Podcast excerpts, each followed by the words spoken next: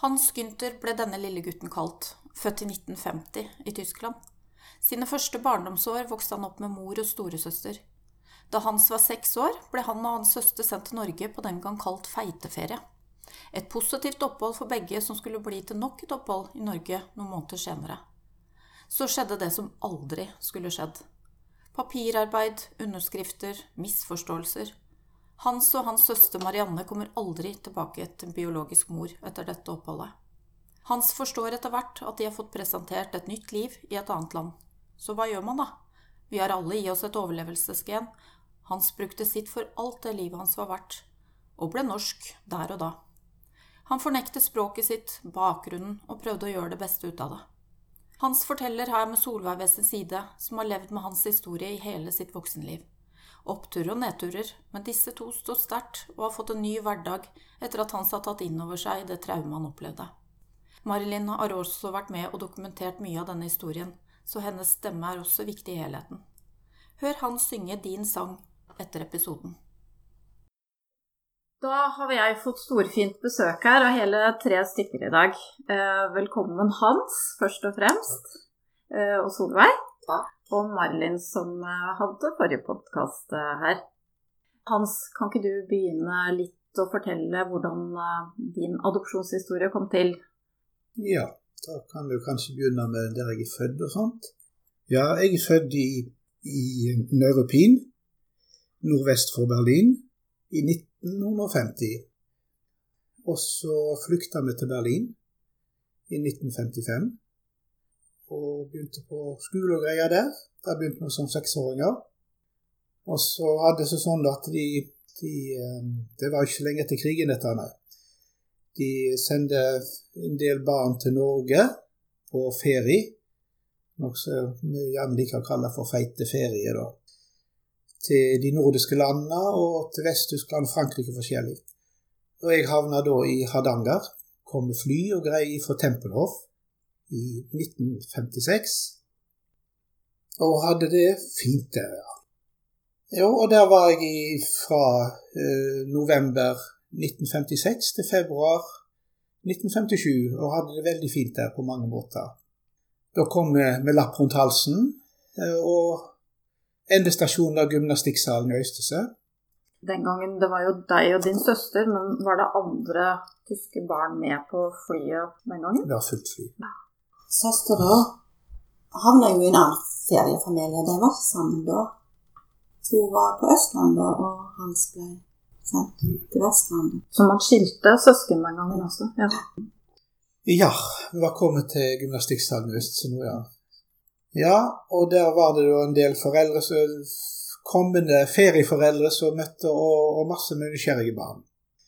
Jeg havna da på en plass som heter Laupsa, på en gard, og hadde det veldig fint i den perioden. Og var med på det som de balte med der. Jeg husker ikke så masse fra den tida, for jeg har jo glemt en god del. Men eh, det jeg iallfall kan huske, at når jeg kom tilbake til, til Berlin husker ikke så masse fra oppholdet, men jeg hadde det fint. Jeg var der i jule, og da ble jeg behandla som en liten konge, for å si det sånn. Fikk masse presanger og satt oppe hele natta og lekte med seg pakkene. Så var han på slektsbesøk en plass som heter Jødne, Det er, oppe, det er høyt i Hardanger, det er høye fjell. Og det var en fjellgard, og der var det 1,5 meter snø. Og Det var voldsomme greier, vet du. Så når jeg da, som jeg nett sa i stad, var kommet tilbake til Berlin, så skulle jeg fortelle for turen. Og da sa jeg at jeg hadde vært i himmelen. Jo, da lurte de. Jo, der var det snø og greier. Fortell dem hvor det var, og, og det var, alt var fantastisk. Og det er faktisk ikke stort mer jeg husker fra den gangen der, enn at eh, litt bakover fra gymnastikksalen En som heter Nils Gunnar Nils Gunnar Lie, den gamle TV-kjendisen der. Vi hadde også en mimretreff på Beitostøl for noen år siden. Og da mimra han fra den gangen vi sto i gymsalen. Han var en av de få ungene som var som tilskuere der. Ja, og så kom jeg på en gard. Og jeg skulle egentlig være også en annen dame i et rekkebygg i sjølve Øystese. Men den eh, eh, kona på den gården syntes så synd i meg for jeg var så liten og derfor sa hun at jeg skal ha han der. Men, men det var grunnen til jeg kom der. Framfor det forteller hun når, når jeg ble eldre, da, hva før det skjedde sånn. Og hun hadde jo da Hun sa at hun hadde drømt om dette i forkant. Ja, så det må jeg bare tro på. Det var den delen. Men, og jeg var jo litt tilbake i, i flyktningleiren da. Som sa, samme var vel det at det, her kan det bli springende for eh, hukommelsen er litt sånn eh, mye svart, men så et eller annet lysglimt. Og, og, der mener jeg at vi ble da barn, nei, Mor med barn ble prioritert. For når det gjaldt mottakene, så var det litt sånn at eh, fra gamle Øst-Tyskland de gikk der og spionerte litt, sånn at de kunne risikere å bli sendt tilbake. Uh, men, men uh, da ble jo disse fordelt rundt. Og det jeg husker noe brakkeliknende der som vi bodde da, i lag med den andre dama som hadde tre barn, og vi var to. Og, men før vi flykta da med toget, da, som sagt, fra Neuropin der ja Forresten, jeg må nett fortelle at Neuropin er en veldig viktig plass i Tyskland. Det er Fontanestadt. Der kommer Georg Fontane fra. Og en veldig fin plass med, med en stor sjø der. da. Og eneste jeg kan huske fra den plassen, er en uh, høy allé, og jeg hadde sparkehjul som sparka på, så jeg husker omtrent ingenting. Og så har jeg et lite minne om en eller annen mann som hilste på meg i dør, sannsynligvis som er faren min da. Men når jeg kom tilbake da, så var vi i flyktningleiren en stund, og jeg visste jeg skulle på tur til. Det fikk jeg vite. Jeg skulle til himmels på nytt, som jeg sa. Det var et små barn, og jeg tror jeg var noe sånn med litt liv i, og, og var der framme i køen, selv om jeg var veldig liten da. Og det jeg òg glemte, så at når vi kom til Norge, så kom vi i sånne vi kaller, ikke et lederhås, men det var sånn kortbukser, og du kan se det før deg, og ei lita håndveske. Godt plassert i gammeldags fly.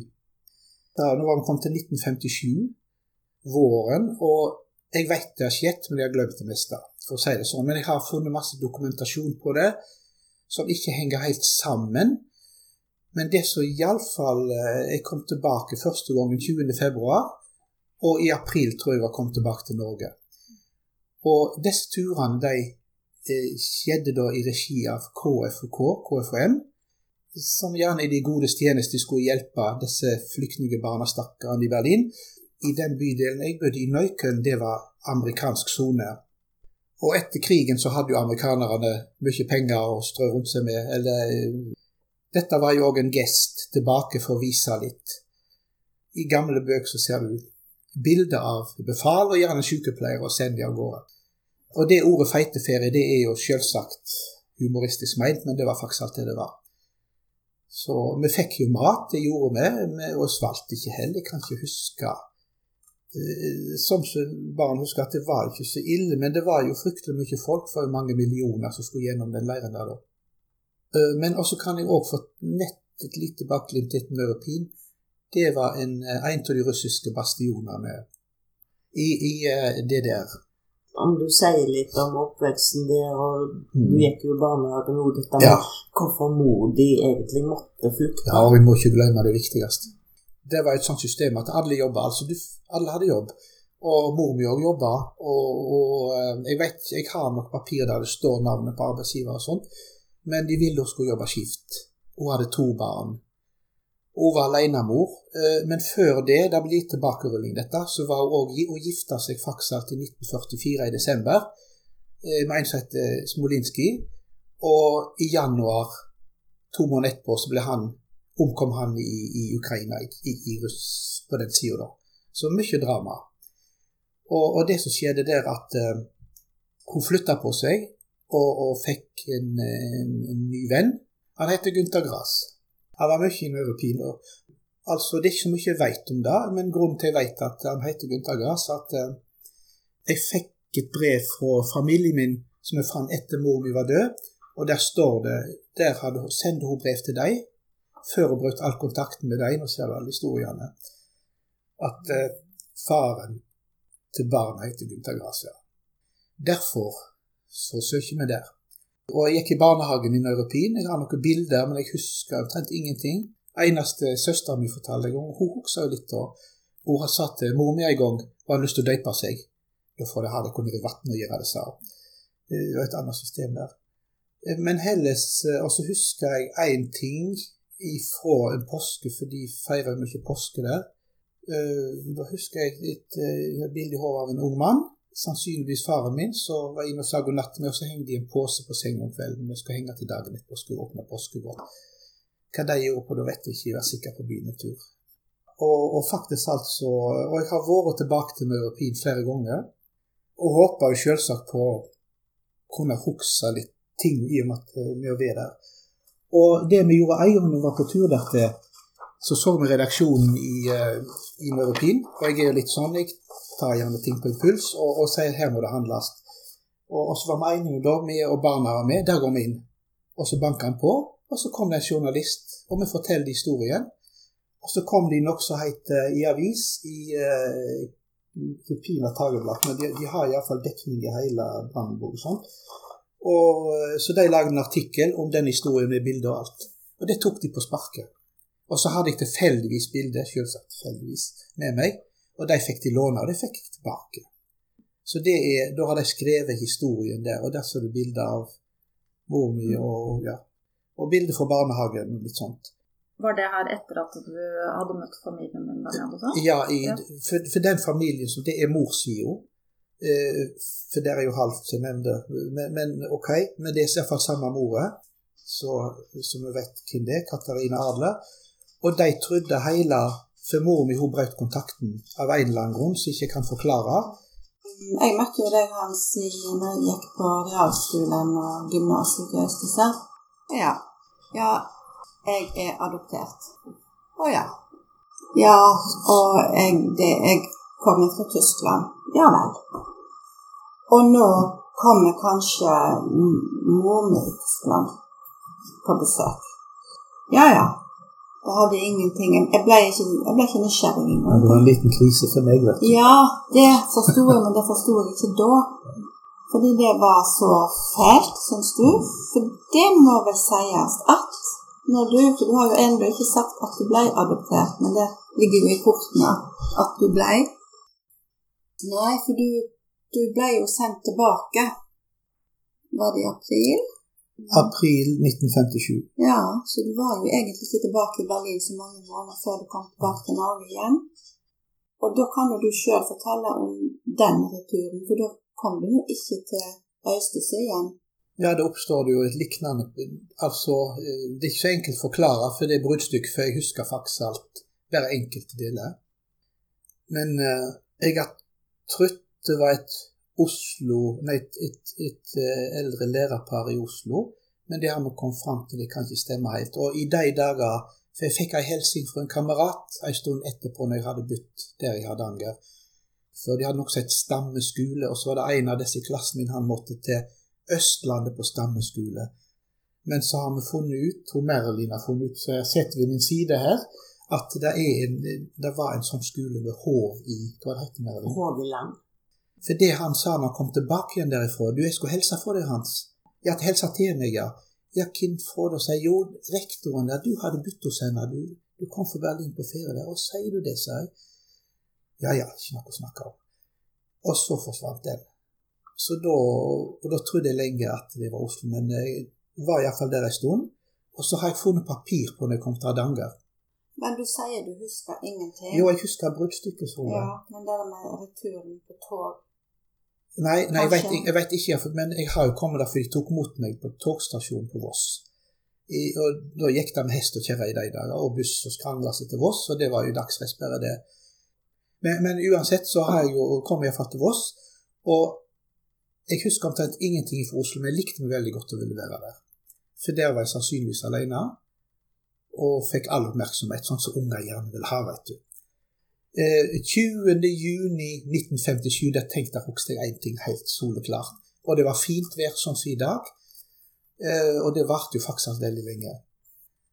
Og, og, han eh, Jeg hadde jo en eh, Det var jo en eldre sønn i huset, han ble min adoptivbror da. Og han sa dagen etterpå, jeg husker ikke, da hadde jeg befalt han gå til ko, for de hadde, det var gardsbruk. Jeg måtte opp der. Og så morgenen etterpå, fint vær og sommer. Og så tok vi meg på tur. Og da var vi i gang. Og andre dagen husker jeg òg en litt sånn morsom greie. For vi jeppa på pinne i gamle dager. Og, og der sto vi på rekke og rad. Og så var det nabogutten, han kalte meg eh, tysker da. Og da gikk rett bort og banka han. Drog til han i fjeset og la han i bakken og sa at nå, nå kan du stoppe. Han erta meg, ja. Og da ga jeg han juling. Jeg var veldig liten, men jeg tok tilbake. Og så stilte jeg meg på andreplass bak Marit, og han sto der han sto. Og et, siden da så tok han ikke meg og vi har vært veldig gode kompiser i mange år. Men, men der sto skapet. Innfallsvinkelen min til altså en velgjørende strategi, og det gjorde jeg. Lærte fort og fikk ting til. Var blid og kjekk, og du veit hvor det går. Og, og, da bruker man gjerne litt motsatt strategi. Vi prøver å please eller kompensere, samtidig som skal prøve å støyte vekk. Men, men, det var jo første møte med Laupsa, da. Så vi vet ikke om vi skal gå i detalj. Jo, der var jo Marianne, da. Søstera di var jo kom. Jeg hadde jo ei søster òg, stemmer det. Og, og, der kanskje du kan fortelle litt den korte sekvensen om henne, hva hun sa. Ja, fordi ja. det har vi jo fått vite etterpå. Uh, Marianne var jo som sagt i en annen familie på den første turen. Og når de kom tilbake til Berlin begge to, så var, var det allerede sikkert et apparat i gang for å få de tilbake til Norge. Og det vi vet nå, er jo at mamma i Tyskland, mamma i Berlin, ba om at de kunne få være et kort opphold i Norge mens hun fikk etablere seg i Vest-Tyskland. Jeg har lyst til å komme litt inn der, fordi at uh, jeg, har, jeg har jo lest alle disse dokumentene, og grunnen til at hun fikk eh, oppholdstillatelse i, i Vest-Tyskland, det var jo at hun var både arbeidsdyktig og, og arbeidsvillig. Og dette var jo i, i det som vi på tysk kaller Wirtschaftswunder, altså det store økonomiske oppsvinget og gjenoppbyggingen etter krigen. Så hun fikk da jobb i langt syd i Tyskland, i Baden-Württemberg, i en by som heter Lørre. Og, og, dro dit. Eller det er jo sosialmyndighetene det som, som har eh, ordna med adopsjonen av hans og, og søstre. Vest-Tyskland den gang, som Tyskland nå, er jo en, en forbundsstat. Og de har jo aldri bodd der. De har aldri vært der. De har aldri sett ungene. Og, og allikevel så ordna de dette. Og jeg er helt sikker på at mora aldri i verden har forstått uh, konsekvensene. Hun har nok blitt lurt til å tro at dette skulle være en midlertidig ordning. Men jeg regner med at myndighetene der har tenkt at altså i en sånn økonomisk oppsving, så, så små barn er på en måte plunderheft. Mm. Så iallfall så um, har Marianne fortalt at uh, når, For det hadde mammaen i Tyskland sagt at nå må du passe på Henschen, lille Hans. Du er stor, du må passe på han. Det lover hun skulle passe på bror sin. Og så kom hun til denne gården da i Østersund, som hun aldri hadde vært på. Men det var jo ingen lillebror. Hun kom alene, fordi han var jo sikkert da feilsendt, eh, lærerekteparet. Og hun ble helt fortvila. Hun husker godt hvor fortvila hun ble når ikke hun fant bror sin der, som hun hadde lovt mamma hun skulle passe på så hun ble helt hysterisk, og de hadde sikkert masse strev med henne, vil jeg tro. Da det ble en vanskelig start, det. Og så kom han da omsider, i juni, tilbake til denne gården som han var kjent på. For der hadde han jo tross alt vært og fått jula, opplevd jula. Så det var jo en, en vanskelig start, tenker jeg. For begge to, egentlig. Men um, det var Marianne.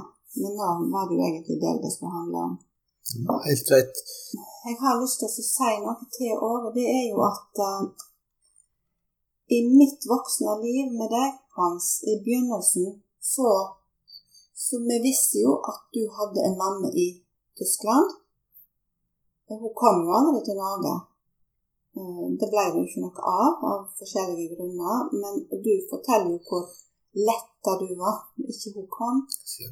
Fordi det jeg har forstått, er jo at du har holdt eh, din forhistorie veldig skjerma.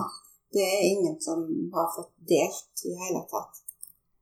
Det, det, det, det lagdes et skall rundt deg. Men det vi snakket om, den, den mammen i, i Tyskland, det var jo at hun var der. Vi visste at hun bodde i Vest-Tyskland, for de hadde jo tross alt flykta fra DDR til vest. Vi trodde, du trodde òg, at hun var ifra DDR. For det sto Ja, i det hans eh, Ja da. fødselsattest hvor han var født i Neuropin. Så det var jo Det trodde vi. At denne mammaen, hun Det var familien. Og verken Europin eller Berlin ville ta i min munn mer. Nei. For du blir sånn pressa inn i en slags I de dager så var han ikke funnet opp integrering, vet du. Det ble mer, mer sånn assimilering. Så det var jo å gå rett inn og Den som klarte seg, klarte seg. Så, og da er det gjerne Jeg tenker på barn, og velger gjerne strategi som de skal overleve på. Og, og en er jo seg sjøl nærmest.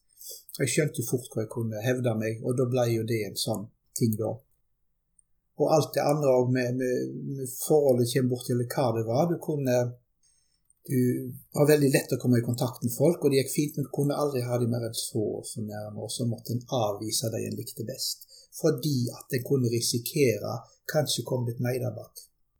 Dette var jo under verste kalde krigen, og det var jo helt umulig i Norge å få noe kontakt med, med, med det der. Sant? Og, og når du da trodde at eh, hun bodde der, så, så var jo det umulig egentlig fram til muren falt i 1989.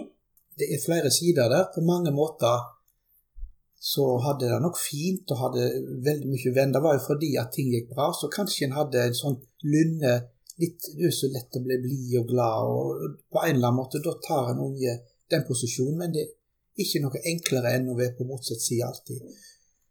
Og, og, og for min del ble jo dette med idrett og sånt. Jeg hevda meg jo med glans, vet du, og så den musikken kom, og, og så skjønte jeg jo Så når jeg, den gang jeg snakket med Nils Gunnar, og kona måtte være inne, og vi skulle sitte alene ute og drikke pils og mimre, da måtte vi være alene, for vi skulle mimre.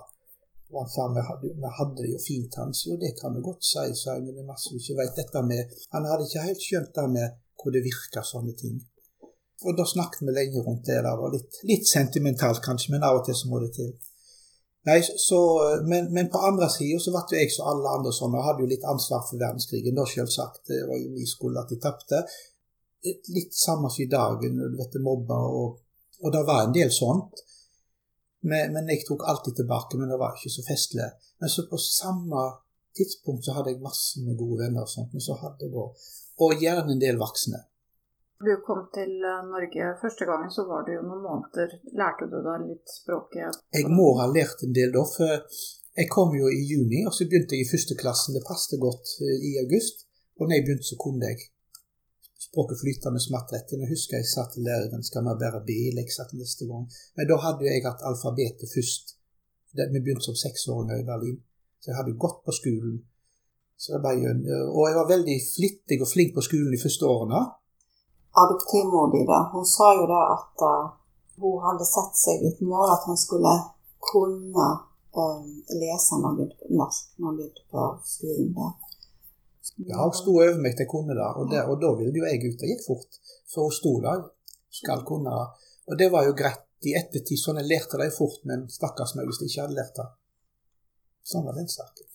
For det var et lite sted du vokste opp på, så alle visste om adopsjon, at det var, det Ja. var adoptert. Ja. For det som var litt ille inni der, altså ille og ille, det er begge deler. Men, men hele kommunen fikk vite om det. Det var til og med oppe i kommunestyret, jeg vet ikke hva før, men det har jeg fått vite i ettertid. De diskuterte det der, og det var klesinnsamling i hele kommunen. En prøve å skjule, det var ikke noe festlig. Så jeg gikk hele oppveksten, og, og så sa de jo du likna sånn, du likna sånn på mora di. Og jeg var, og jeg var ekte nordmann, du hører jo språket, det er jo sånn hardangerdialekt, og jeg kan nynorsk bedre enn de fleste. Og, og da blir det noe sånne eh, innbitte greier over det. Men, men det var som sagt strategi for å overleve. Og så når en fortrenger, så tror en etter hvert så tror en jo på sine egne små eh, Det er jo ikke lygne, men fantasier, da.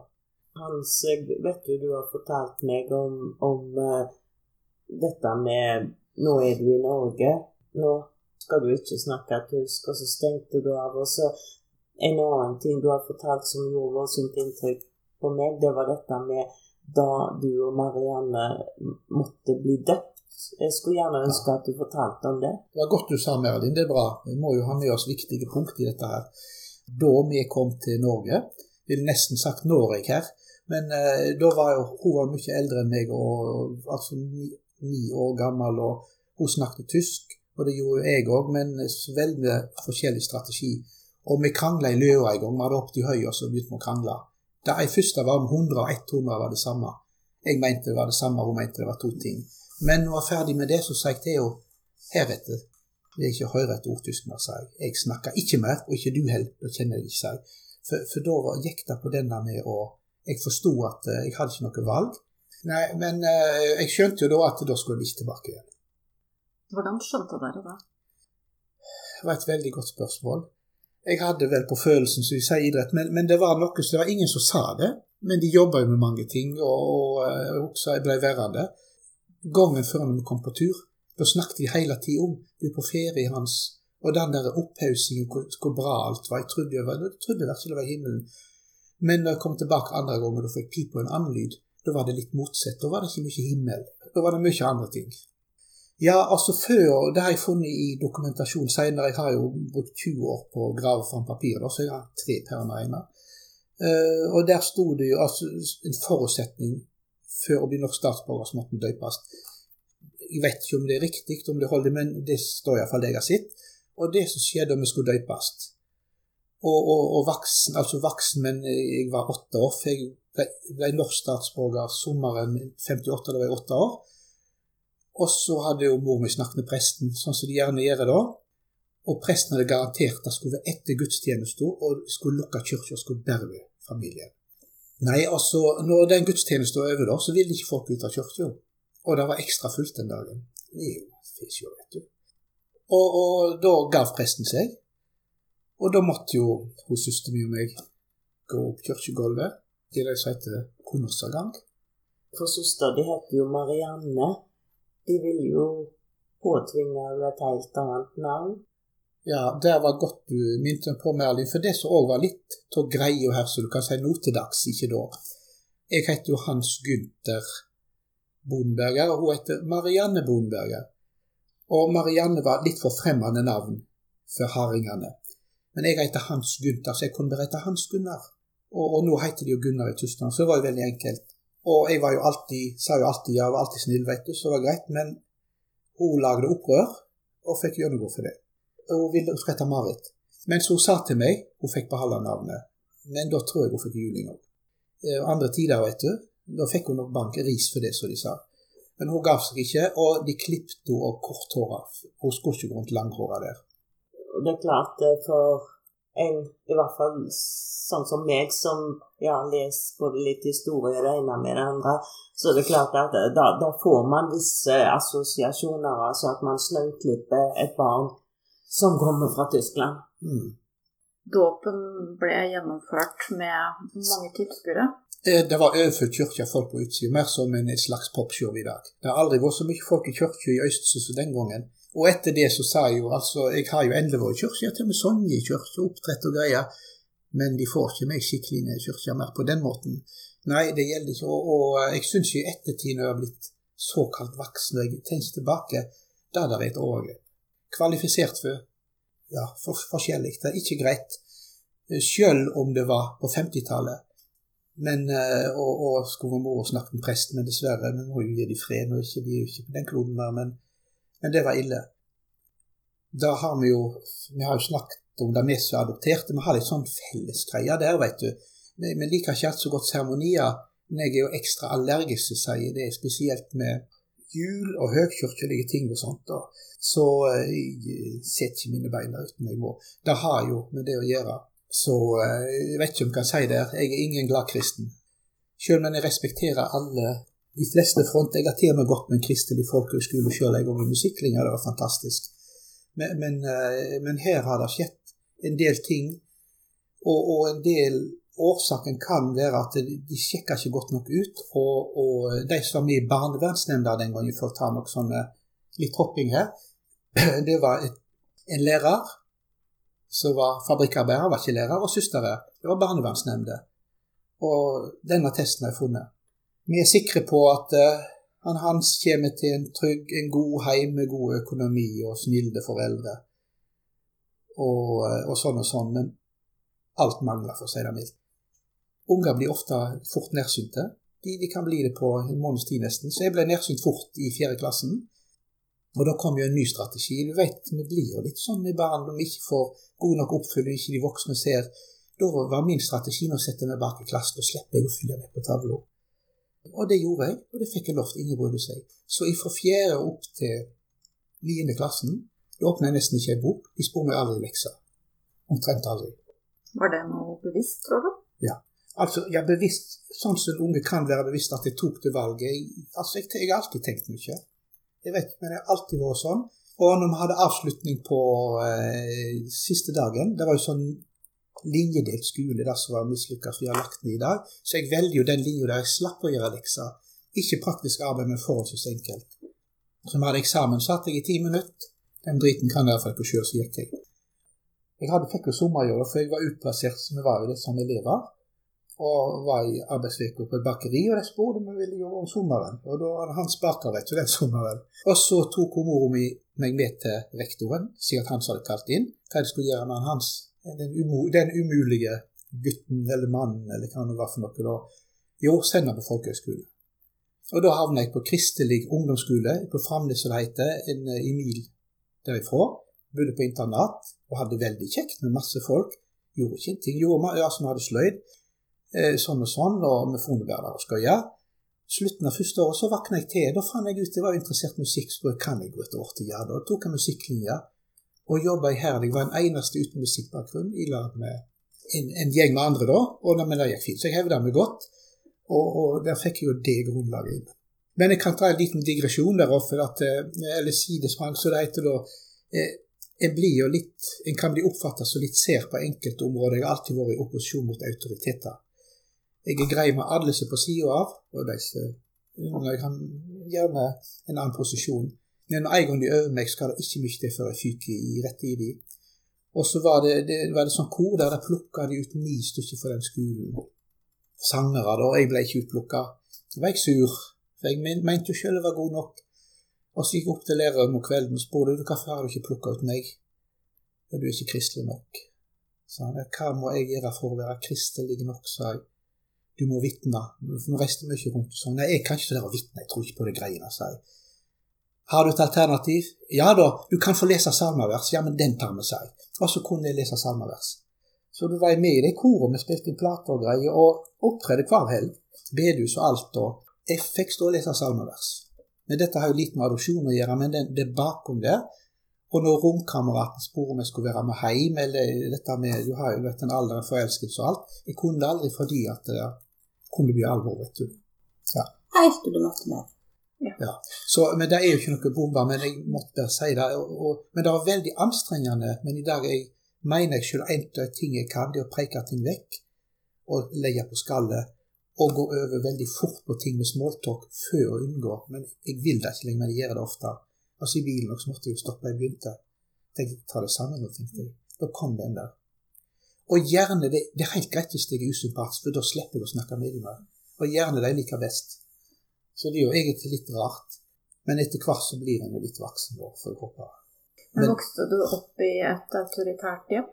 Altså, det var autoritært. Autoritært når det gjaldt religion og sånn. Og en far som var òg Men jeg var altså, jeg lydde og gjorde alt hjemme. Jeg var snill som et lam hjemme. Jeg tok det igjen ute. Men jeg var snill, men jeg var overalt. Og jeg søkte kontakt med andre voksne, var hjemme hos åtte år gamle onkler og så fjernsyn og sånt. jeg og For rundt om og oppsøkte alt mulig. God hvis ikke du er i Nord-Norge, så lå du dårlig an, altså. Men så var jeg òg den uh, Unnskyld, jeg avbryter så lenge, men og mora mi hun var så grei hun at jeg fikk gjøre akkurat som jeg ville. For hun visste at jeg jeg var aldri stygg med noen, men jeg fant mye løye. Fester som sto etter alt. Det betyr jo nesten at de Hva det heter du, du har ikke omsorg. Altså det blir en svikt i motsatt ende. Og, og etter hvert så oppfatta vi, og Og sånn som søsteren mi også sa, at vi var egentlig Vi skulle være og jobbe på gården. De skulle utnytte oss. Det stemmer jo det at de skulle jobbe på gården. Det har jo du sagt òg. At du eh, sto Ja, ja. der om sommeren Var masse med, alltid. mye Var lojal. For, unnskyld, nå avbryter igjen, Solveig, men det som hun gjorde, jeg har sett i ettertid, det var noe god hensikt. Hun forteller jo gang etter gang til meg hun hadde drømt om meg, og jeg var den, og for å draske på meg og viste meg fram, mer enn sin egen sønn. Og det likna òg, meinte hun. Og, og for å gjøre alt det ville, og snakket med meg, og hun gamlemor på Det var sånn loft, vet du, sånn generasjoner ville lag. Og de, det ble likt. Men det ble sånn at jeg kom for forferdelig med sånn samvittighetskvaler. Jeg måtte jo hjelpe alle og alt. Jeg hadde jo et stress uten like. Måtte jo hjelpe hele verden. Vet. du. Det var jo så travelt. at. Så jeg hadde jo en stressa, egentlig stressa barndom og oppvekst. Og så var jeg med på enormt mange ting. Skifta idrett, og så hevda vi var med på stafett, Holmenkollstafett og alt. Men når det begynte å gå godt, så måtte jeg stikke. Og, og så hadde vi masse sånne Merlin, det var du som nevnte det, Solveig. Nesten med poppen. Da kom jeg jo inn i det som tenåringer, og, med en gang det begynte å bli bra, så var jeg livredd for nedrett og begynte å lage bråk. Fram på en regel. Hvis du sier det, så vil jeg ikke mer. Og så sa de gjerne ei feil, da hadde jeg unnskyldning for å stikke. Nei, nå får du klare deg sjøl. Og, og det varte helt til jeg kom opp i eh, 40-50-årsalderen. Ja. Så de tankene, de tankene om eh, det andre livet du hadde i Tyskland, det greide du på en måte å legge bak deg som Ja. oppveksten? Ja, du, tenker, du valgte å ikke Ja, nå, kan, nå kan jeg se, nå husker jeg nesten ingenting.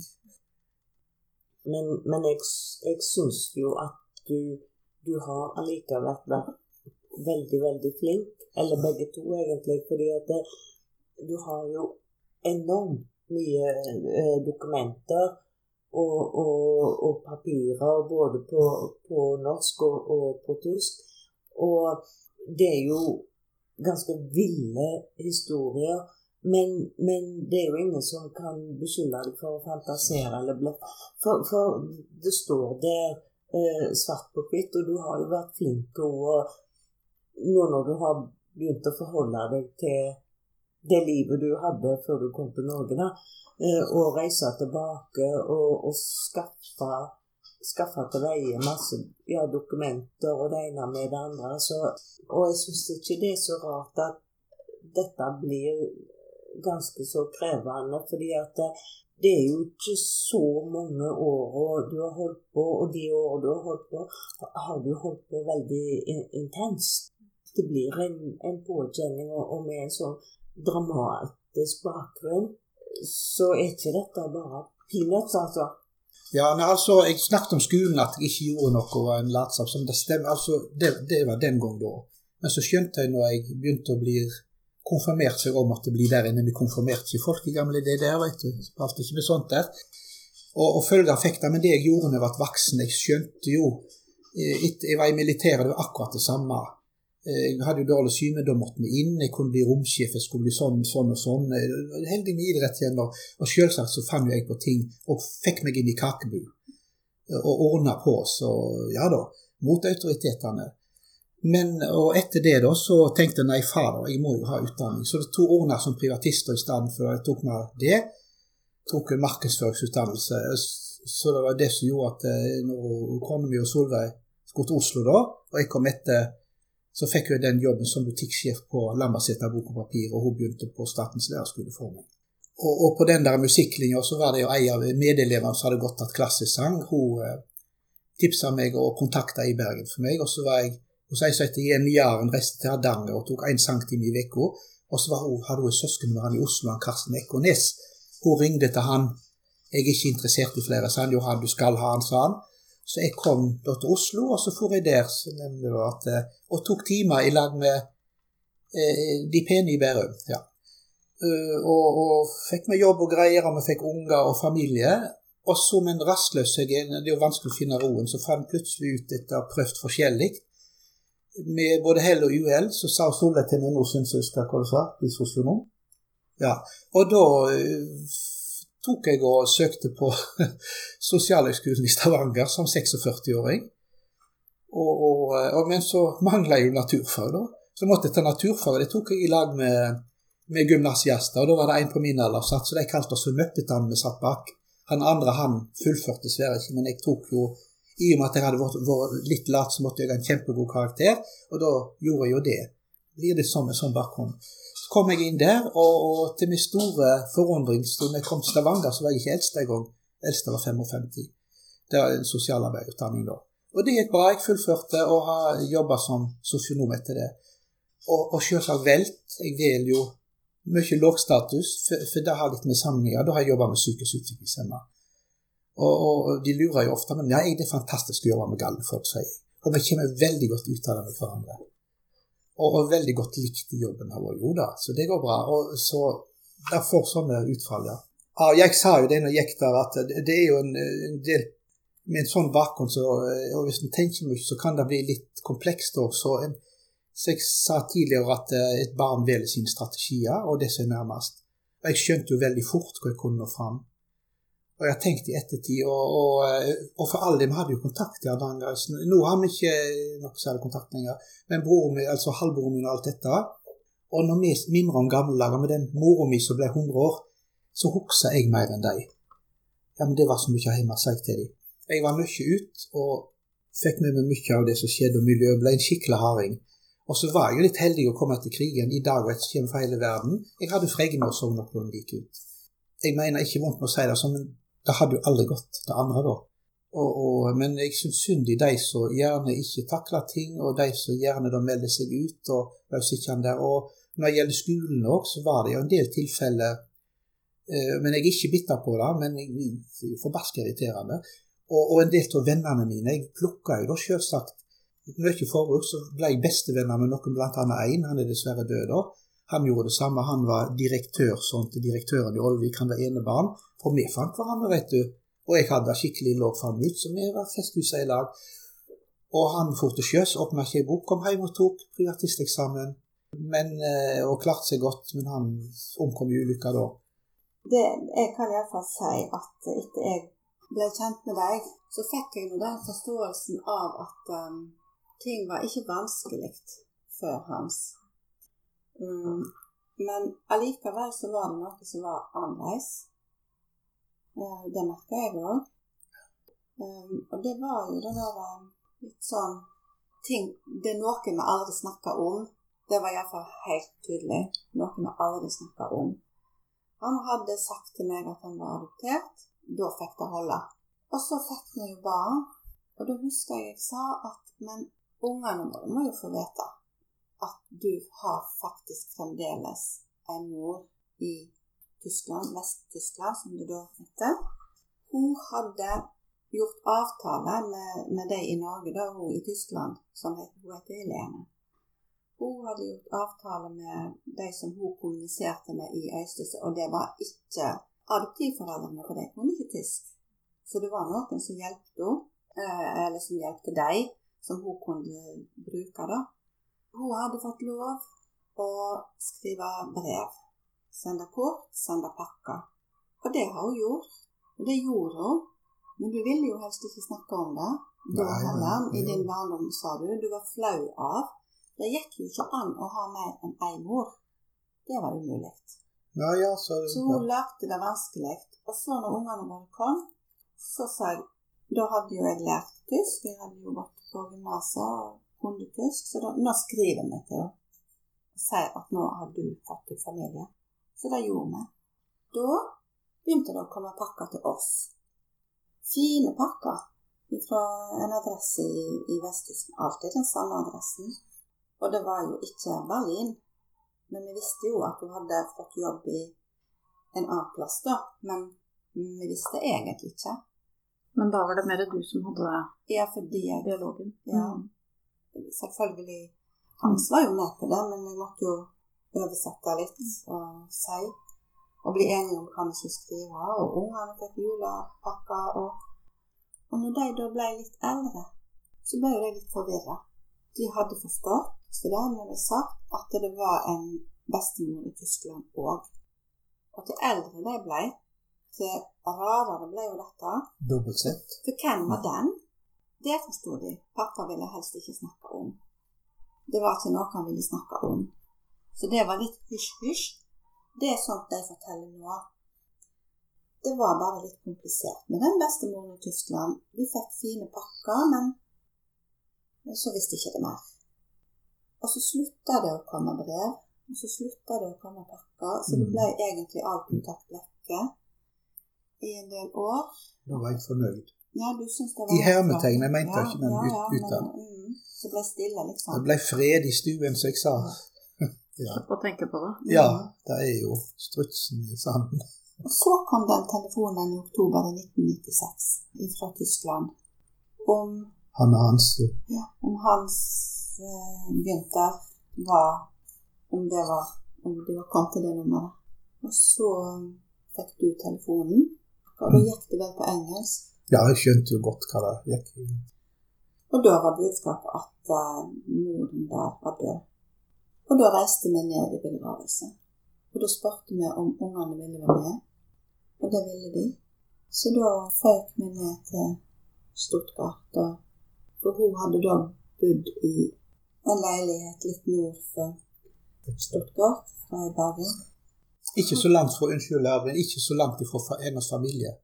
Da, Hans, når vi kom i den leiligheten og så papirene der Vi var der jo ikke så mange dager, men da tok vi jo med alt av papir. Jeg tror allerede mens vi var der nede, så gikk det opp for oss at uh, her er det jo, her er det jo familie. Her er det jo navn. Ja, da ble, da ble jeg inne. Da eh, måtte du rett og slett Da begynte vi å grave. Da var det Frelsesarmeen som kom inn i bildet. Ja, de ordna det. De fant litt tilfeldig, for det er ikke noe vanlig navn her i dag lenger. Men det var en nabo, en litt original nabo, lo. Tanta mi som levde, som overtok helt før Solveig, men hun lo. Dette brevet kom, det var det naboen nabo som het Bonberg, så hadde kommet det brevet. Ja, for da fant vi jo igjen det navnet Bonberger som han hadde når han kom til Norge, som som sto i fødselsattesten hans. Så sto det jo Bonberger. Der var det jo Bonberger i det papirene. Hvor gammel var du blitt da, når du torde å ta tak i historien? 46 år, så det har jo, som jeg sier, Hardanger putla på noen år nå, ja. ja mer pause mellom en grev i papir og prøvde å nå fram, og, men det Men når du da fikk kontakt med den eh, tanten, søster, den yngste søsteren til mor Mor di var jo eldst i en søskenflokk på Sju. Det er nett et, sånt der sidesprang. Derfor, og øh, det er jo noe med krigen gjøre. Og i Tyskland var det sånn at hvis du fikk fem barn eller flere, da fikk du premie. Heter Mutterkreutz eller morkors. Eh, det har sprøtt ut i det, men det var sånn. Hun klarte sju, da. To sønner, begge de omkom i krigen da. Så hadde hun fem døtre. Så hun fikk da en sånn premie av selveste førerkorpset. Ja. Så den har jeg bevart hjemme. Det var en del for å øke folketallet etter hvert. Men det som viste seg Vi ble jo invitert ned, da. Og den familien, den tanten, inviterte oss ned. Så vi fikk hilse på mange søskenbarn. Men bare den ene tanten som eh, levde igjen. For de var det et sjokk. De var aldeles sikre på at eh, den tante Helene og Hans Gunther og Marianne bodde i Berlin. Nei, De skrutt, ja, de sa når de kom og hilste på oss to søskenbarn at de hadde skrutt i gata. Det er en liten landsby helt sør i Rheinland-Pfalz. At de hadde søskenbarn i Berlin. I Berlin. Og, og det var avstand til Berlin òg i de dager. Så ja da. Så hun hadde ikke noe kontakt med sine søsken og, og fortalte historien om disse to barna? Hun brøt kontakt med familien sin. Det var for, for bestemor mi, da, og Katarina Det er jo litt spesielt der hun eh, De var altså oppvoksne og født i et, et kloster og i gammel kirke. Det er en eh, residens der var biskopen i Mainz, og der var bestemor mi vaktmester da, i den kirka. Og, eh, og så skulle hun fordele en liten arv, en skog som eide rundt der, etter så og så lenge, og da ville ikke mor mi ta imot. Hun brøt all kontakt med og nekta til å ta imot arven. Det, det handler, jeg tror det handler om at den mora ville ikke møte familien. For de visste jo at det var to barn. Og hva skulle hun fortelle det? Hvordan skulle hun forklare det? At de to barna Hvem var de? Men du Solveig, så står Hans nærmest. Hva tenker du at hans historie har gjort med Hans? Han har iallfall, eh, på godt og vondt, blitt en fighter. Og så, kanskje på mest vondt, har han blitt en som eh, flight, altså som stikker. Som eh, har funnet ut at jeg må verne meg sjøl. Som ikke våger å slippe folk for tett på. Det er den lengste delen av livet hans, tenker jeg. Og så tror jeg at det kom til et vendepunkt. Og når adoptivmor døde i fjor, så, så ble det enda et vendepunkt. Fordi nå er på en måte de båndene vekke.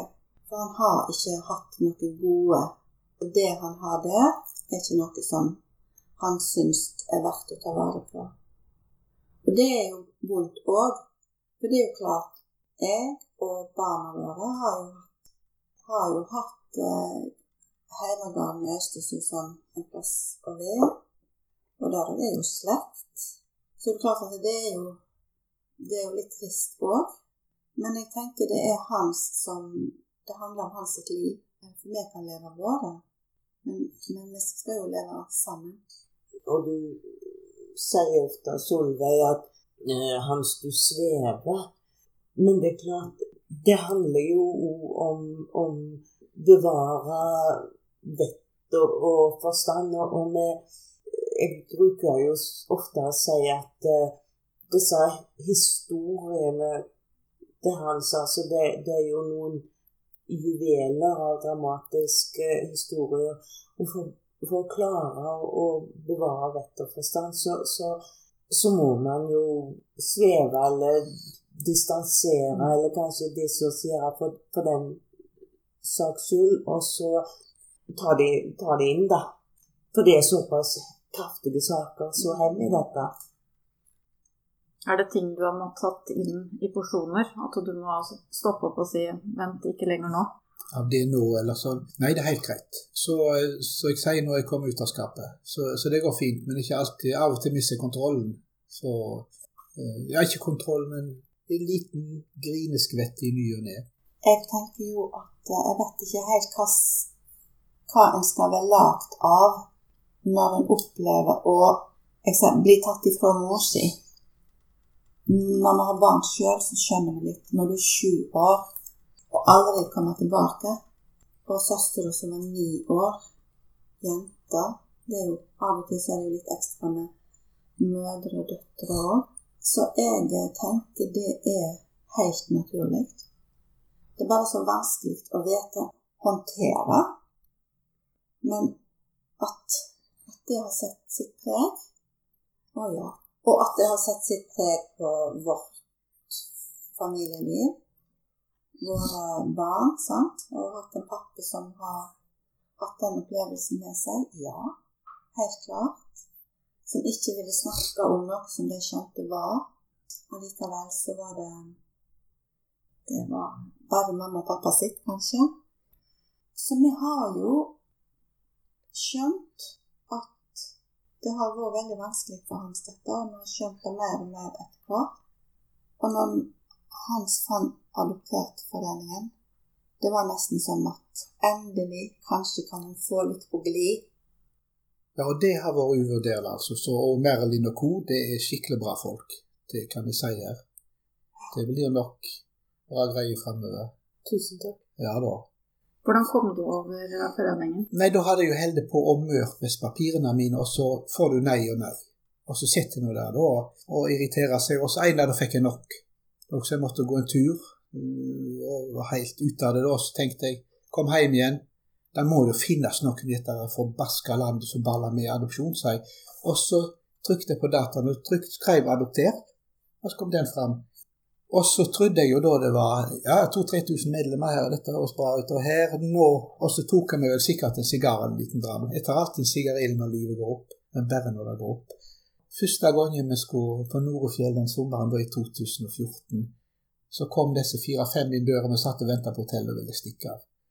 Så da, men det har gått Nå først er varm i trøya, tror jeg. Så om hver gang når vi møtes, om ikke det skjer noe sånn noe og vi i fellesrom, Så et eller annet som gjør at en ikke berika hjemme igjen. Det er sånn trygghet. Det har nok mye å gjøre at vi har det vi felles Og her er alle adopterte og helt ulike folk. Vi snakker ikke politikk, vi snakker ikke religion.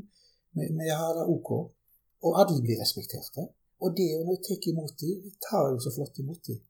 Bare skryt mer av dem, men det er sant. ja. Jeg husker jo jeg husker jo da dere kom jo kjørende, ikke sant. Jeg var jo blitt unnskyld, veldig grepet og fascinert over denne dramatiske historien. Da hadde vi jo maila litt. Så i overivrighet begynte å ta tak i dette i møtet, ikke sant. Og jeg skjønner ikke hvor det var henne, men det er klart det var, det var jo altfor for tøft. Og du reagerte rimeligvis. Og jeg hadde fryktelig vond samvittighet for det. Men gjort, gjort. Men, men, det gikk jo bra, da. Og heldigvis du hadde med deg masse dokumenter, og vi fikk se på det. Og, og ja, det ene har jo tatt det andre. Men eh, noe som jeg kunne tenke meg, du har jo med deg forskjellige ting. Blant annet så har du jo med eh, kopi av bilder og kort som, som Modi har sendt. Og, og tenk en mor som ja, på 1950-tallet tok masse bilder. Hun sendte jo kort og brev hele veien. Det er ikke en mor som ønsker å gi fra seg ungene sine. Ikke taler. Så uh, jeg har prøvd, men jeg kommer ikke jeg har, Kanskje du Merlin vet mer om hvor er det mange i Norge som ble bortadoptert av berlinerbarna? For de har jo hatt tittelen de kalte det det. Og jeg har ikke funnet ut det var noen en fem-seks stykker. Jeg tror ikke det er noen. De aller fleste kom jo på sånne feite ferier og, og ja. dro tilbake. Noen har, har, blitt adoptert, men jeg tror ikke det er mange.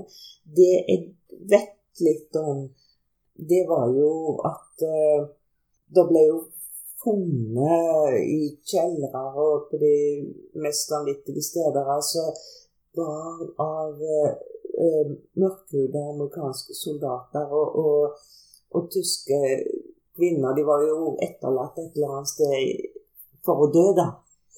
Eh, de ble funnet, og noen av de ble tatt til Norge av en eh, norsk korrespondent og har blitt adoptert her. Men, men denne historien er jo som, som veldig mange andre av uh, norsk adopsjonshistorie vi vet jo ikke. Eh, det er jo lagt så mye lokk på ting. Og Hans, du har jo prøvd å i arkivene, blant ja, annet KFM. Arkiv, ja. og, og hvor er dokumentasjonen? Og Du var jo med til selveste Neuropin. Ja. vet du. Vi inviterte med til, til Tyskland mm. og bodde i Neuropin. Og ja da. Nei, unnskyld, i Berlin reiste mm. Neuropin. Og, og for Berlin snakker jo veldig godt tysk, da så vi unngår språkbarrieren. Og da fikk vi ut papir der, fordi at mor mi var død. De samarbeider godt, de ja da. Nei, det er noen mangler, og, og for eksempel en sånn eh, Dette har jo lite med bare meg å gjøre, men, men når en kommer fra gamle Øst-Tyskland, det landet det ikke mer. Og det som skjedde når eh, det ble nedlagt, som det heter, muren datt, så fikk jo alle tysk statsborgerskap. Og når jeg har villet dobbelt, så kan jeg ikke få fordi at eh, jeg har ikke papir på at jeg har mistet gamle, så jeg vet ikke om jeg er blitt fratatt statsborgerskapet. Men jf. papirene så skal visst være det. Men det mangler masse dokumentasjon, rett og slett, som skulle vært der. Det er det ene hans. Det andre er jo at vi har lurt veldig på å finne den dokumentasjonen som sier at uh, dette var veldig avtalt og helt greit. Det finner vi ikke.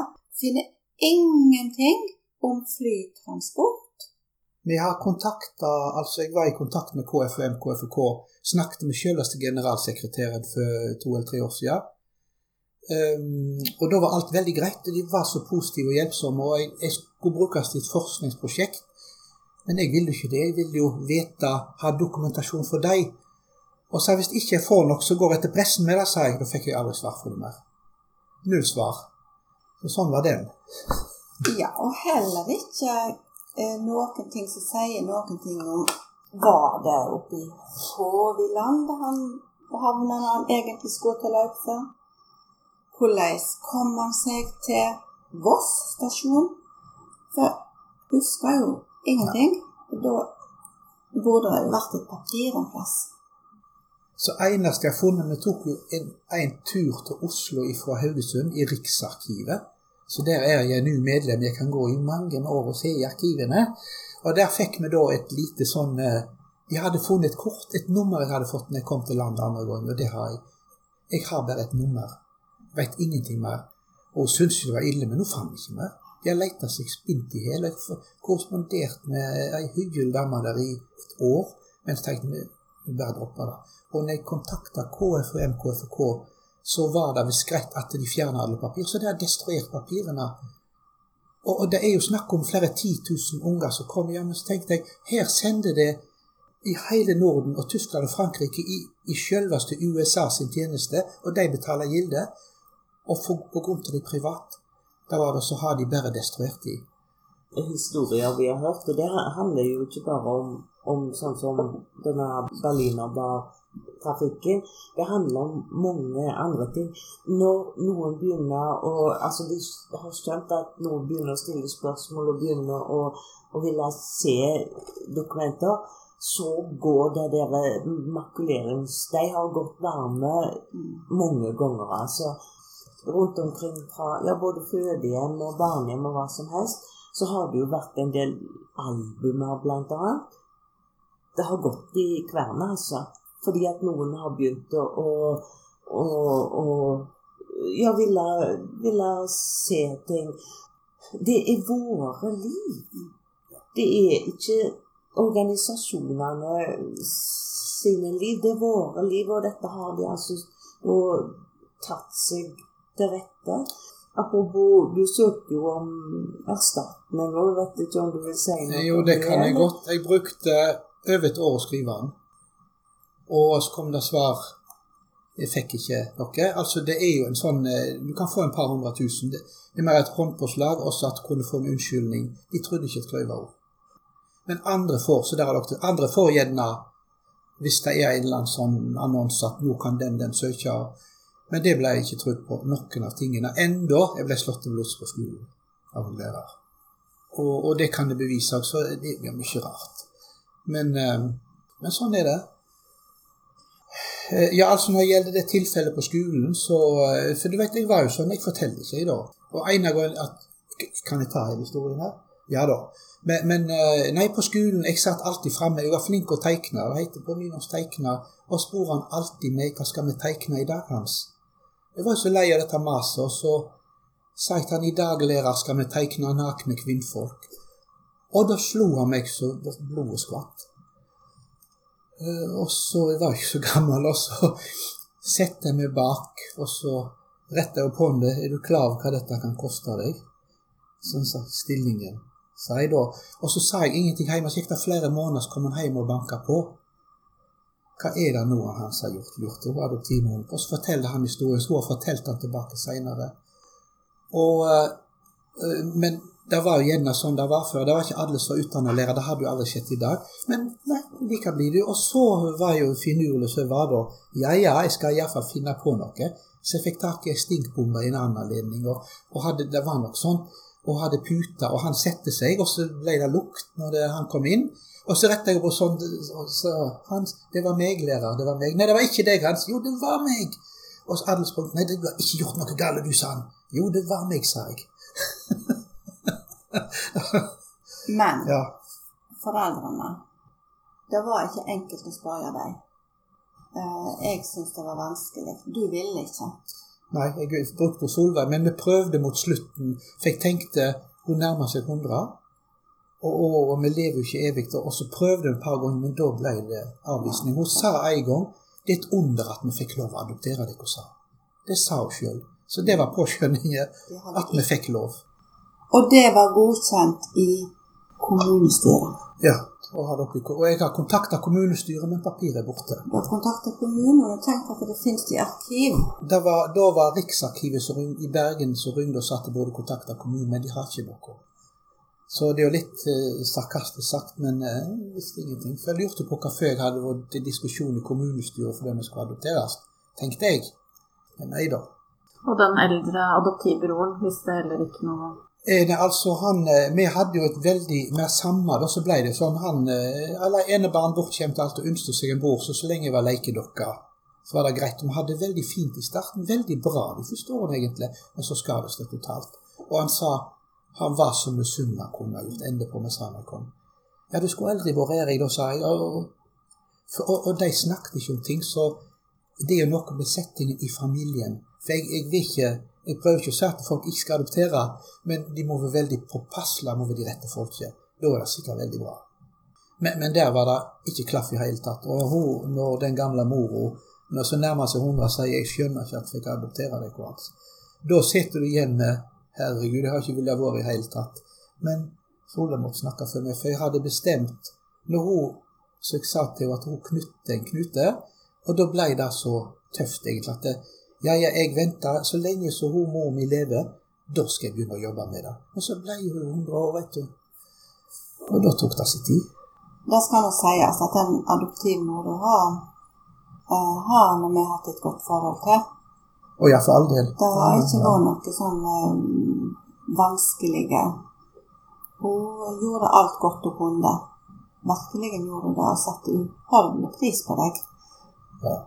Men det var jo som han sier, hun satte så stor pris på at det ble noe vanskelig for hans. Ja. Og ved noen annen. Så du ble liksom innunder vengene. Ja, for vi er jo ikke det, Men det er jo lett å si i ettertid at uh, vi er jo ikke, de fleste av oss er jo ikke hjelpeløse.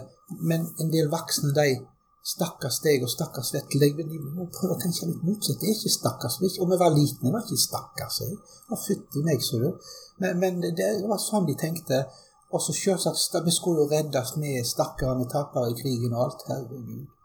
Alt vi hadde tapt. Du, du kjenner iallfall fars eh, Nei, morsslekta, og så vet han at faren heter Gunther Grass. Og så lurte vi jo på kan det være den Gunther Grass som er litt kjent. Eh, og så vet vi at han var en del i Neuropin på den tid. Og det er fremdeles faktisk har det vært sånne, sånne dager, eller sånne temadager med litteratur.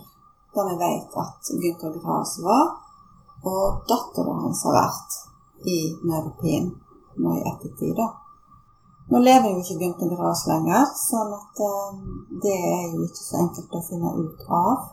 Ja, som du har sagt før, altså vi var innom disse kontorene, og de jeg tror de ble litt grepet, fordi de gav jo fra seg eh, ja, en del dokumenter. Og, og det var bl.a. et dokument som gjorde voldsomt inntrykk på meg. Mor deres heter jo Smolinski. Navnet til sin avdøde ektemann. Eh, og, og dere er jo både du og Marianne er jo født etter dette.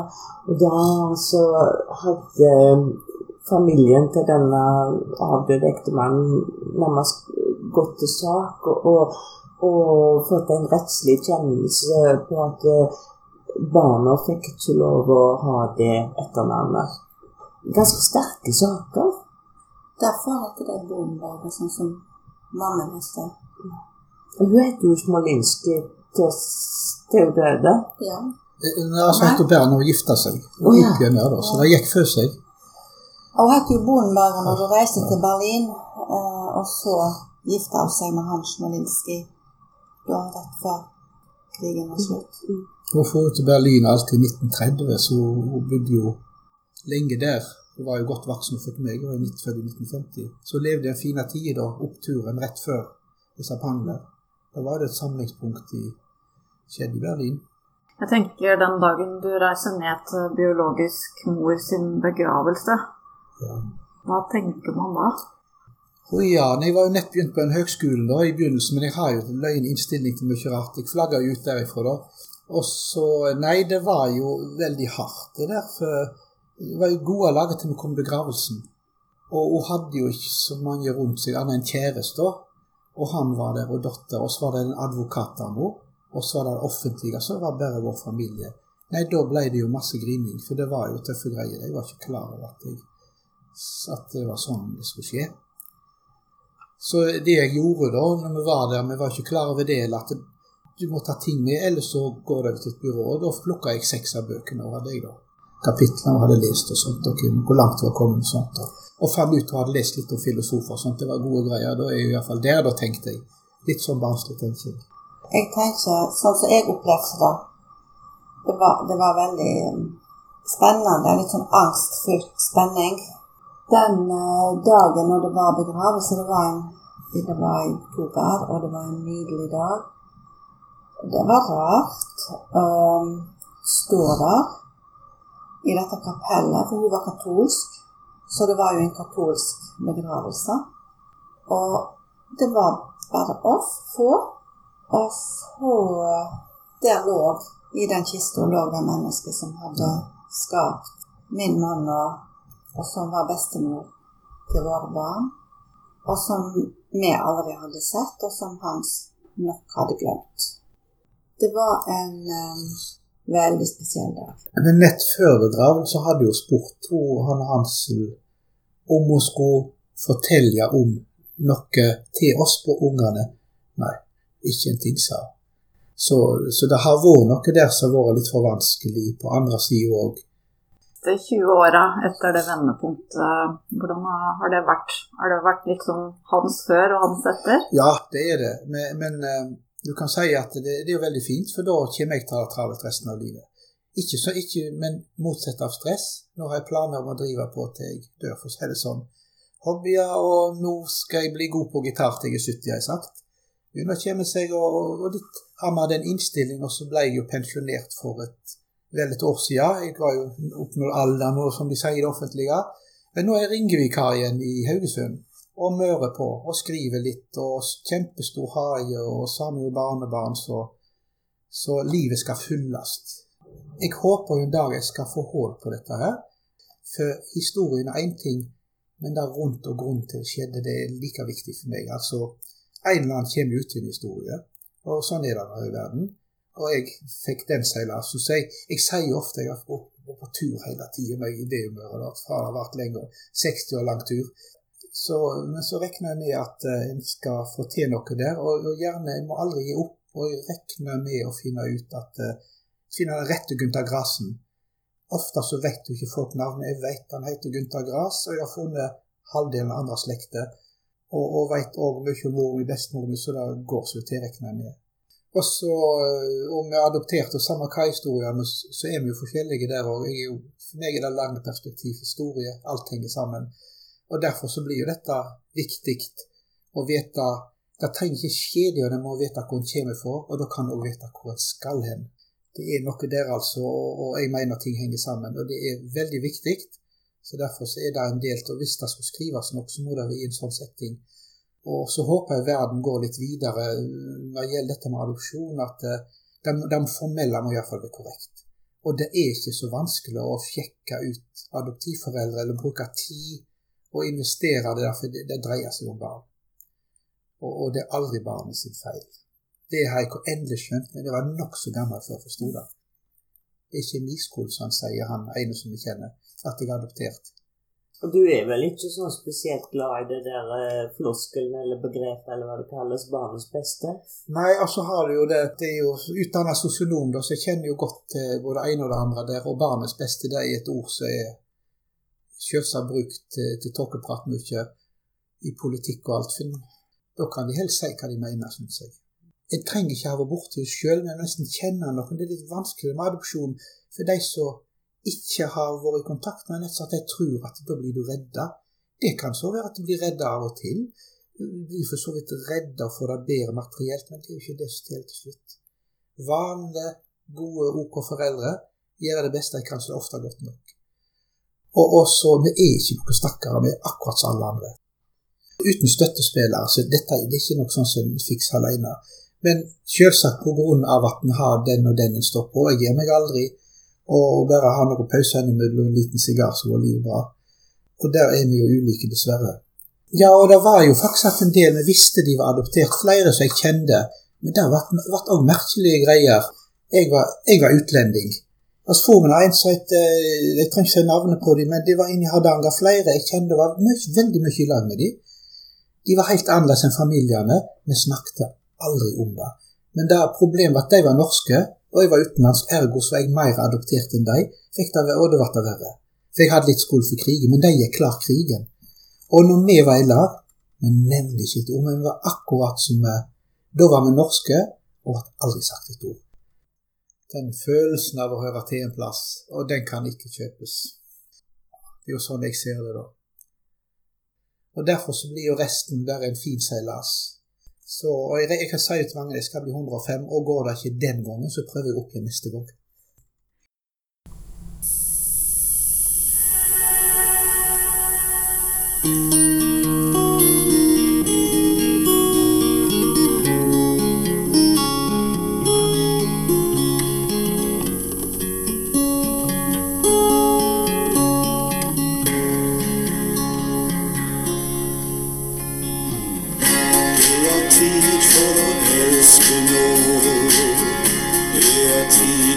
Tid for å le. Anerkjenner og